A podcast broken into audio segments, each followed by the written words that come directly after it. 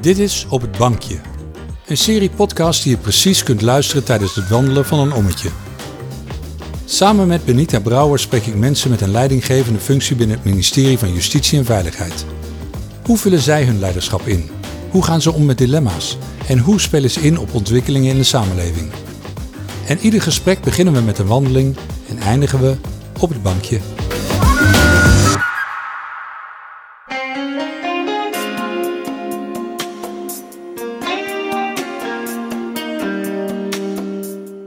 Probeer ervoor te zorgen dat ze graag voor mij willen werken. Dat ze mij niet zien als de baas. Dat ik een onderdeel ben van het proces die ervoor zorgt dat ik die sturing kan geven, dat ik het faciliteer, maar er ook sta als het moeilijk is. En dat zij dat gevoel hebben dat ze het niet alleen doen, maar dat we het samen doen.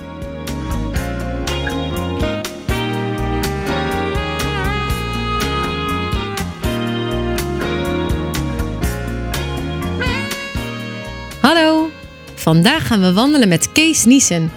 Hij is directeur van een gevangenis. Kees startte op zijn 27e met leiding geven aan een groep van 15 man. Ondertussen werken er al zo'n 850 mensen in de PI Alphen. Ik ben benieuwd naar zijn persoonlijke invulling van leiderschap. Precies, want Kees is niet alleen verantwoordelijk voor zijn personeel, maar ook voor ongeveer 1000 gedetineerden. Onze wandeling begint vandaag in de bosrijke omgeving van Tilburg en eindigt op het bankje.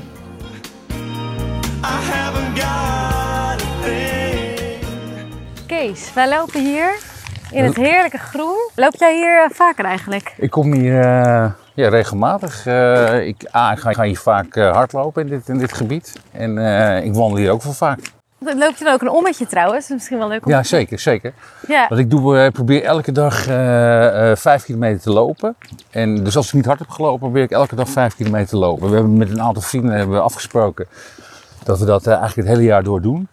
En daar zijn we eigenlijk in januari mee begonnen. Dus ik, dat gaat eigenlijk hartstikke goed. En het is ook heel goed voor de lijn. Hè? Dus wat dat betreft Ja, eh precies. Ja, ja ik me er ook heel blij mee.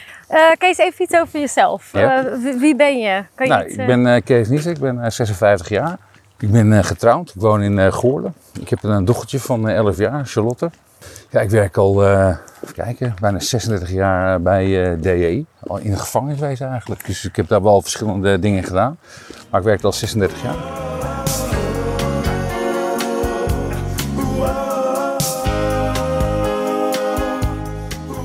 Op dit moment ben je een gevangenisdirecteur. Ja, ik ben om mijn 21ste begonnen, 20e, 21ste begonnen binnen, binnen DEI. Ik, ik wist eigenlijk al heel vroeg dat ik binnen het gevangeniswezen wilde werken. Ik weet niet, dat, had je vroeger van die advertenties, geen dag is hetzelfde. En eh, daar heb ik toen... Wat eh, trok jou? ja, dat, trok me eigenlijk wel. Dat was een, dat was een slogan van, eh, van het personeel, personeelwerving. En die kwam ik ooit eens tegen in de krant. En toen heb ik die, ja, dat heb ik eigenlijk onthouden. En op een gegeven moment denk ik van, ja, weet je, dat lijkt me zo fantastisch. En ik heb toen gesolliciteerd. En ik, ik wist, ik dacht eigenlijk helemaal niet dat ik aangenomen zou worden, want je moet minimaal 24 jaar zijn. Maar goed, ik, ze hebben me aangenomen. Dus ik was op mijn 21ste jaar, eh, kreeg, ik, kreeg ik een uniform aan. En dan begon ik op de vloer, eh, vloer te werken. Dus wat Als dat wat, betreft, voor, eh, wat voor functie als, was als dat? PIW was dat, dat heette toen nog bewaarder. En dus ik heb echt op de vloer gewerkt. En nou, dat heb ik een jaar of drie gedaan. En ja, ik vond het fantastisch. Hè. Het werken met die gedetineerden, het werken met een, op in een team. Het werken met mensen, weet je, je- het is werk wat het toe doet. Hè. Het is een moeilijke baan. Ja, ik vond het, Ja, wat eh, maakt het vond zo moeilijk? Ah, je gaat maar om met moeilijke mensen gewoon. Weet je, ik bedoel, mensen willen daar niet zitten. Ik bedoel, niemand zit daar vrijwillig. En hoe krijg je dan toch een goede sfeer op een afdeling? En hoe krijg je toch mensen mee? En dat vond ik in het begin heel moeilijk, omdat ik natuurlijk heel jong was. Maar op een gegeven moment leer je dat gewoon. Weer leer je praten, leer je kijken. Ja, weet je, daar gaan mee om te gaan. Dan krijg je mensen ook goed in beweging.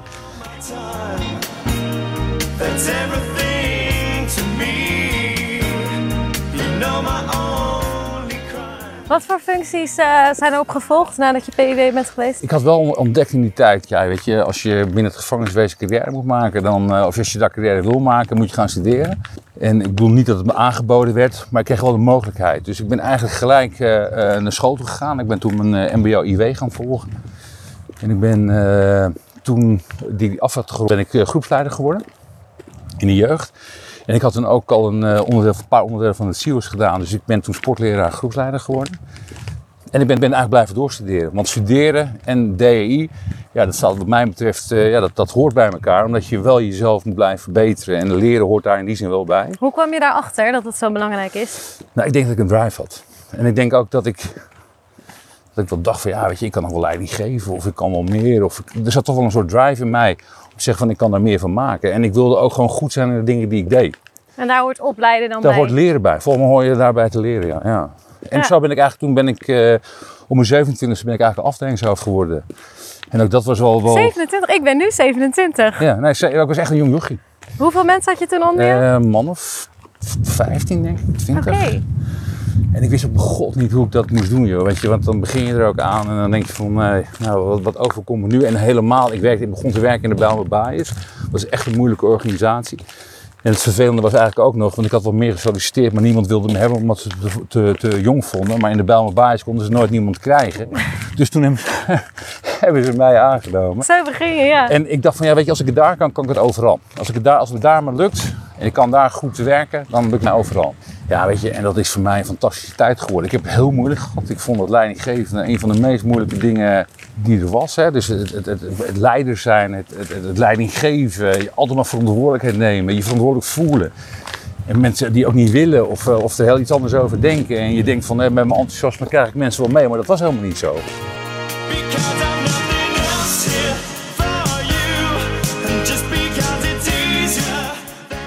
Wat is leiderschap voor jou? Nou ja, eh, leiderschap is voor mij is, is eh, deels voorbeeldgedrag, maar het is ook mensen in verbinding brengen. Eh, Leiderschap is ook voor zorgen dat je mensen in de juiste positie brengt, dat je mensen steunt, dat je ze faciliteert, dat, ze zorgen, dat je zorgt ervoor dat ze de juiste dingen kunnen doen.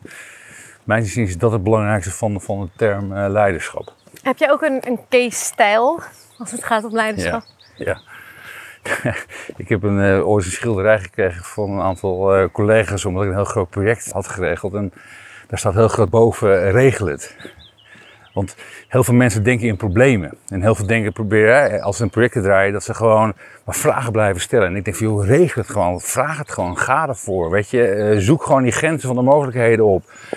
Zoek die lef op. Want je kan wel alles binnen die kaders blijven zitten, maar dan krijg je dat project ook never nooit rond. Dus blijkbaar is een van mijn teksten regel het.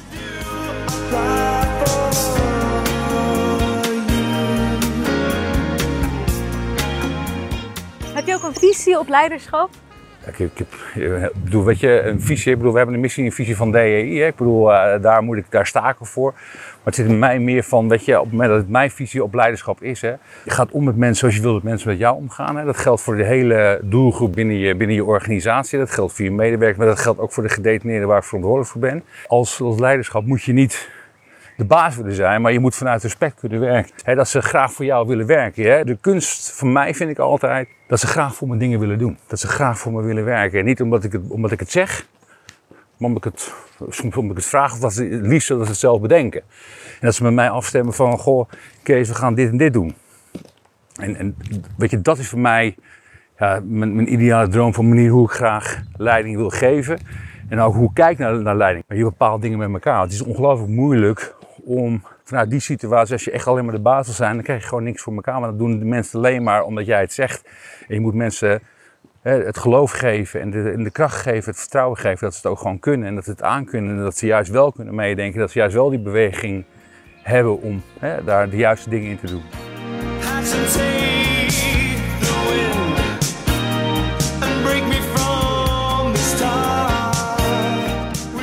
En hoe zien we dat terug eh, in, eh, in de inrichting? Alf is een grote inrichting. ja. Ik heb eh, best wel veel problemen moeten tackelen. Maar waar ik heel erg in geloof is dat we een eenvoudig verhaal hebben gecreëerd. Waarin wij hè, met kernwaarden aan het werk zijn. Dat je kijkt van, nou, wij willen die gedetineerden.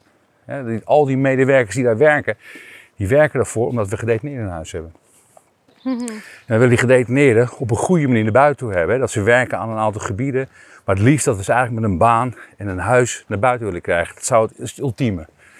Dan heb je wel een focus nodig. Dan heb je allerlei spelers voor nodig om dat voor elkaar te krijgen. Maar dat eenvoudige verhaal is wel de graad, of iets wel de kapstok, waar wij onze, onze inrichting aan ophangen. Want dat is wat we doen. Alles wat wij binnen doen, dus als je werkt, als je eh, naar de sport gaat, Als je bezoek hebt, als je verlof krijgt, als je vrijheden krijgt, heeft alles te maken van gedraag jij je en wil jij meewerken aan het programma dat jij hè, met een baan en het liefst met een huis naar buiten kan.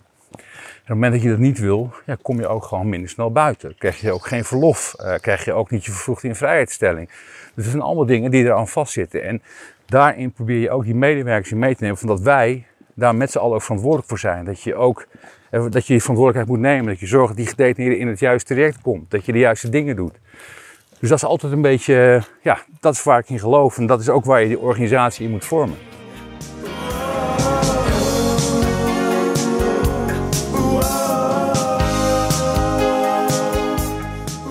Het leiderschapskompas van justitie en veiligheid. Maar hoe zie je dat nou terug bij jullie in de PI? Doen, Ja. doen jullie daar wat mee? Kunnen jullie Ja. daar wat mee? Wij doen er zeker wat mee, want weet je, het is ook een beetje een richtlijn hè, waar we met elkaar voor staan. Want weet je, die hele organisatie, eh, JNV, die moet wel goed aangesloten zijn op elkaar. Dus de keten, de uitvoering, maar ook het, het hoofdkantoor, daar moet wel een juiste lijn in, in zitten. Maar het is natuurlijk soms wel lastig om daar goed voet aan te geven, want in de uitvoering is de praktijk soms weer bastiger als het in de theorie is of als het op het hoofdkantoor is.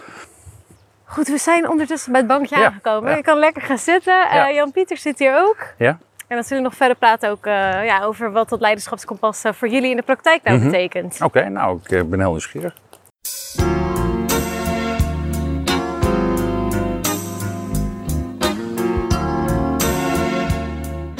Kees, hi. Hi.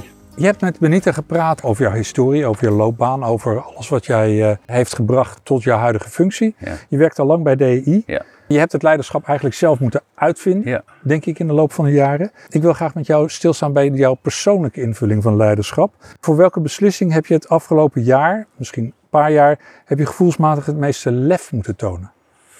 Wat heeft jou meeste Ehm, moeite gekost? Ik heb in, eh, in, in, in een inrichting in, eh, in het zuiden van het land, daar heb ik een, eh, heb ik een fabriek geopend. Een losse hal, die noemde de fabriek. En daar wilde ik gedetineerden laten werken in de laatste fase. Dus die gingen gesloten vanuit de inrichting naar, naar die fabriek mochten ze dan, lopen. Hè. Dus bij goed gedrag mochten ze daarheen lopen. Maar om die mannen daar naar die fabriek toe te laten lopen. En alle weerstanden die eraan vastzaten, nou dat, dat, dat was echt ongelooflijk. En het heeft me echt wel bijna twee jaar gekost om dat pand open te krijgen om daar die mannen te laten werken. Maar het mooie daarvan wel was om daarin vast te blijven zitten en dat vast te blijven houden. Heb ik er uiteindelijk wel voor gezorgd dat eh, misschien wel 50 tot 60 van die mannen bij een grote fabriek uitgezonden werden. Dat ze daar gewoon konden gaan werken. En volgens mij doen we daarvoor. Dus met die weerstanden, om daar goed mee om te gaan en dan uiteindelijk ook eh, toch resultaten boeken. Maar om die weerstanden door te gaan, daar heb ik echt wat wakker van gelegen. Dat ik denk van, waarom maken we het zo moeilijk? Waarom doen we dat niet? Waarom willen we dat niet? En merk jij eh, hiervoor ook eh, tegenwerking vanuit de mensen zelf of Ja. vanuit de omgeving? Nou, vanuit de medewerkers eh, Ja. voelde ik tegen, die vonden het eng. Ik, ik merkte ook vanuit, vanuit het hoofdkantoor waar ik onder val, voelde ik toch ook dat ze het spannend vonden. Van, ja, kan je dat wel doen? Kan je dat risico wel nemen? Terwijl het gewoon wel in een proces was ingebed. Ik had er ook de juiste spelers bij, bij betrokken. Maar ook de gemeente vond het lastig. Maar ja, ik heb wel aangegeven, het zijn jullie burgers. Hè? Die burgers die nu naar buiten gaan. Ik bedoel, nu doe ik het begeleid en ben ik er continu mee bezig. Maar als we dat niet doen, gaan ze over 12, 13, 14 maanden ook naar buiten toe. En dan hebben we er niks mee gedaan. En wat ik nu probeer te regelen, is dat ze straks misschien met een baan ergens ondergebracht kunnen worden. En volgens mij scheelt dat de maatschappij en uitkeringen en allerlei andere dingen. En eh, hebben we gewoon mensen aan het werk. En volgens mij is dat het doel waar we voor zijn op deze aardbaan. Daar is in ieder geval het gevangeniswezen voor mensen beter naar buiten te laten gaan dan dat ze binnenkomen.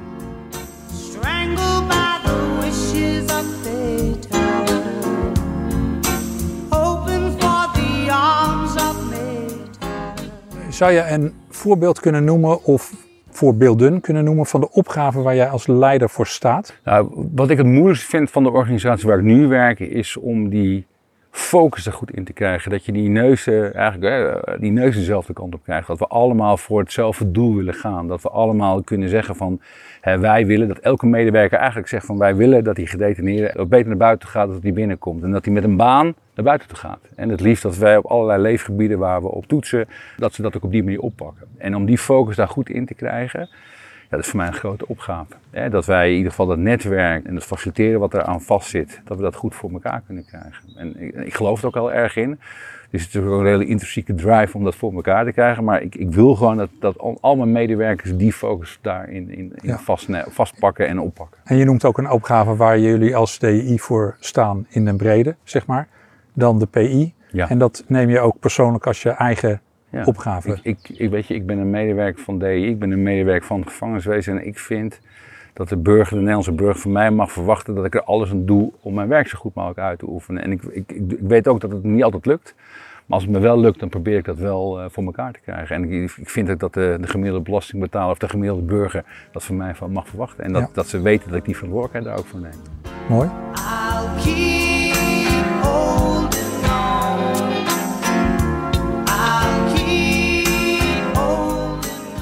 Je hebt al iets gezegd over jouw medewerkers. Je hebt een, een aantal medewerkers, inmiddels een groot aantal medewerkers. ja, ja, maar je bent al heel snel begonnen volgens mij in het leiding geven. Kun je iets vertellen hoe jij medewerkers meeneemt in je persoonlijke visie of koers? Ik probeer ervoor te zorgen dat ze graag voor mij willen werken. Dat ze mij niet zien als de baas. Dat ik een onderdeel ben van het proces die ervoor zorgt dat ik eh, die sturing kan geven, dat ik het faciliteer, maar er ook sta als het moeilijk is. Hè? Dus ook als er beslissing genomen moet worden, dat ik die beslissing ook neem. Dat als het moeilijk is, dat ik er ook sta. Als zij gesteund moeten worden, dat ik ze ook steun. Als ik ze moet omarmen, dat ik ze ook moet omarmen. En dat zij dat gevoel hebben dat ze het niet alleen doen, maar dat we het samen doen. Want dat, woord, dat kernwoord van verbinding en samen is volgens mij de essentie ook eh, van een deel van leiderschap.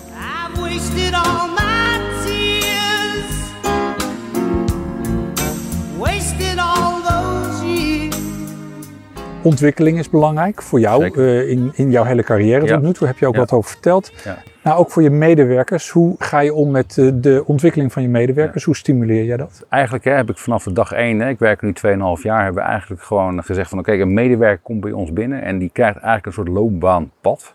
En dat betekent ook een opleidingspad. Dus hij begint met een basale opleiding om, om het werk te kunnen doen. Maar daarna moet hij zijn MBO gaan doen. En wij hebben ook een interne eh, MBO, dus een MBO 4 niveau. Die, daar kunnen ze bij aansluiten. We hebben ook een HBO waar ze bij kunnen aansluiten. Dus die ontwikkeling van die medewerker, dat is, wordt continu ook meegenomen in het functioneringsgesprek. Van joh, weet je, je moet niet alleen maar dit ene opleiding doen, want dat betekent gewoon dat je ook niet door kan groeien. Dat je ook buiten DI kan werken of kan ontwikkelen binnen DI. Het is een hele grote organisatie. En wat we in het verleden deden, is dat medewerkers kwamen. Nou, die werden dan ergens eh, bewaarder of, of, of, of PIW'er. En dat was het dan. Maar we willen juist dat die mensen niet altijd alle lange tijd op die vloer werken, maar ze doorontwikkelen. Misschien naar een andere organisatie toe. Dat we op die manier ook een veel betere doorstroming krijgen. Hè. We zien dat het daardoor die organisatie zich beter ontwikkelt. En dat we ook op, op lange termijn, ook met de oudere medewerkers, daar minder problemen door krijgen.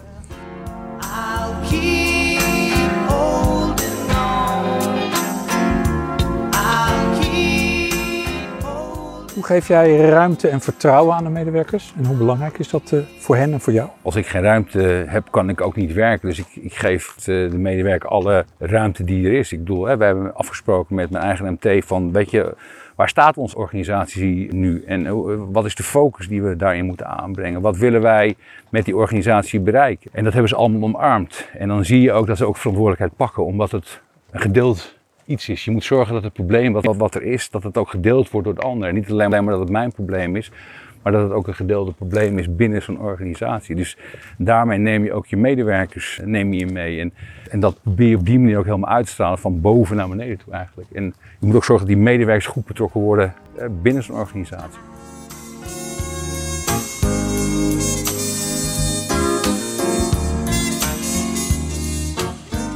Wat voor ontwikkelingen van de afgelopen tijd, afgelopen jaar, heb jij nou wakker gelegen? Weet je waar, waar nou, de afgelopen periode heeft ongelooflijk in het teken gestaan van, van, van corona. Hoe ga je met zo'n ongelooflijke organisatie om, hè, waar zoveel mensen ingesloten zijn, zitten? Hoe ga je dat om? Hoe, geef, hoe manage je dat? Hoe, eh, hoe ga je om met alle beperkingen die je gaat opleggen? Gedetineerden mochten geen bezoek meer ontvangen. We mochten geen mensen meer van buiten naar binnen laten komen. Weet je, allerlei beperkingen. En dat hebben we met elkaar ongelooflijk goed gedaan. Hè? Maar bedoel, dat was voor mij wel echt een zoektocht, want dat was voor mij ook compleet nieuw. Ik bedoel, hè, alle skills die, die je hebt, die, die waren op dat moment ook nodig. Van hoe betrek je je mensen? Hoe vertel je je gedetineerden dat, dat heel veel dingen niet meer mogelijk zijn? Hoe betrek je je medewerkers daarbij? Hoe kan je ook je medewerkers goed hun verhaal laten vertellen? Ik bedoel, al die facetten, ja, daar moet je continu rekening mee houden. Dat was, dat was een ongelooflijk spannende periode. Als je op de een op de andere dag een complete lockdown doet, dat je zegt van de inrichting gaat op slot en er kan niks meer in, er kan ook niks meer uit. Daar heb ik al wakker van gelegen. Ja, hoe ga ik dat doen? Gelukkig, we hebben het hartstikke goed gedaan. En wonderwel is het een hele goede periode geweest. Ja. Ik vind dat die gedetineerden er ongelooflijk veel begrip voor hebben gehad, maar ook het personeel het ongelooflijk goed heeft gedaan om daar op de juiste manier mee om te gaan.